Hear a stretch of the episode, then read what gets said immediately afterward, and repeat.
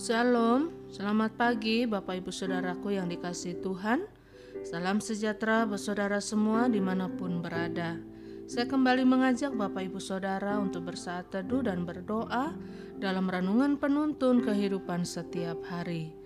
Kiranya damai sejahtera dan sukacita oleh roh kudus Senantiasa melimpah dalam hati dan kehidupan kita semua. Tema renungan penuntun kita hari ini Hati-hatilah Ayat bacaan kita terdapat di dalam Kolose 2 ayat 8 sampai 15 dan di dalam ayat yang ke-8 berkata demikian. Hati-hatilah supaya jangan ada yang menawan kamu dengan filsafatnya yang kosong dan palsu menurut ajaran turun-temurun dan roh-roh dunia, tetapi tidak menurut Kristus. Bapak Ibu Saudaraku yang dikasih Tuhan, kita perlu berhati-hati dalam perjalanan iman kita. Saudara yang baru bertobat perlu berhati-hati. Saudara yang sudah melayani Tuhan pun sama. Saudara tetap perlu berhati-hati. Karena Alkitab berkata lawanmu si iblis berjalan keliling sama seperti singa yang mengaum-ngaum dan mencari orang yang dapat ditelannya. Jadi waktu kita berhati-hati itu berarti kita sedang bergantung kepada Tuhan dan jika kita bergantung kepada Tuhan, maka kita akan senantiasa berjalan dalam kemenangan. Nah, saudaraku yang dikasih Tuhan, dari ayat bacaan kita hari ini, kita pelajari ada beberapa hal yang luar biasa tentang kalimat yang diucapkan oleh Rasul Paulus, hati-hatilah dan pertanyaannya, mengapa kita harus berhati-hati atau berjaga-jaga? Yang pertama, yaitu supaya jangan ada yang menawan kita dengan filsafat yang kosong. Artinya, kita harus berhati-hati agar kita jangan tertawan, karena ada orang yang tertawan dengan hartanya. Ada orang yang tertawan dengan wanita-wanita, atau tertawan dengan pria-pria, dan sebagainya. Karena itu, kita harus berhati-hati sekali. Alkitab berkata, segala sesuatu diperbolehkan, benar, tetapi bukan segala sesuatu berguna. Segala sesuatu diperbolehkan, benar, tetapi bukan segala sesuatu itu membangun. Segala yang berguna itu baik, tetapi tidak segala sesuatu itu berguna buat kita. Karena itu kita harus berhati-hati. Dan yang kedua, mengapa kita harus berhati-hati? Yaitu agar kita menyadari apa yang Kristus telah kerjakan dalam hidup kita. Dengan lain kata, jangan sampai kita tidak tahu apa yang telah Kristus kerjakan dalam hidup kita. Selama kita ingat apa yang Kristus kerjakan, maka kita akan takut berbuat dosa kita tidak akan sembarangan dengan hidup kita.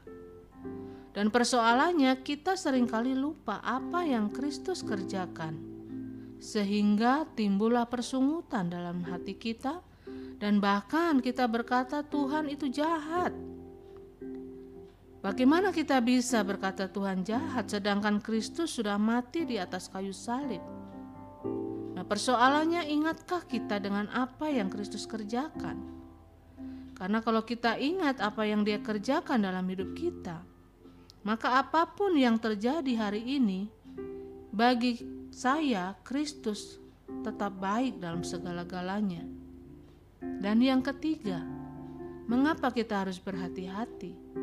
Yaitu agar kita tidak kembali hidup di dalam dosa. Agar kita tidak kembali dalam hidup yang lama kita itu sebabnya kita harus selalu berhati-hati dan berjaga-jaga.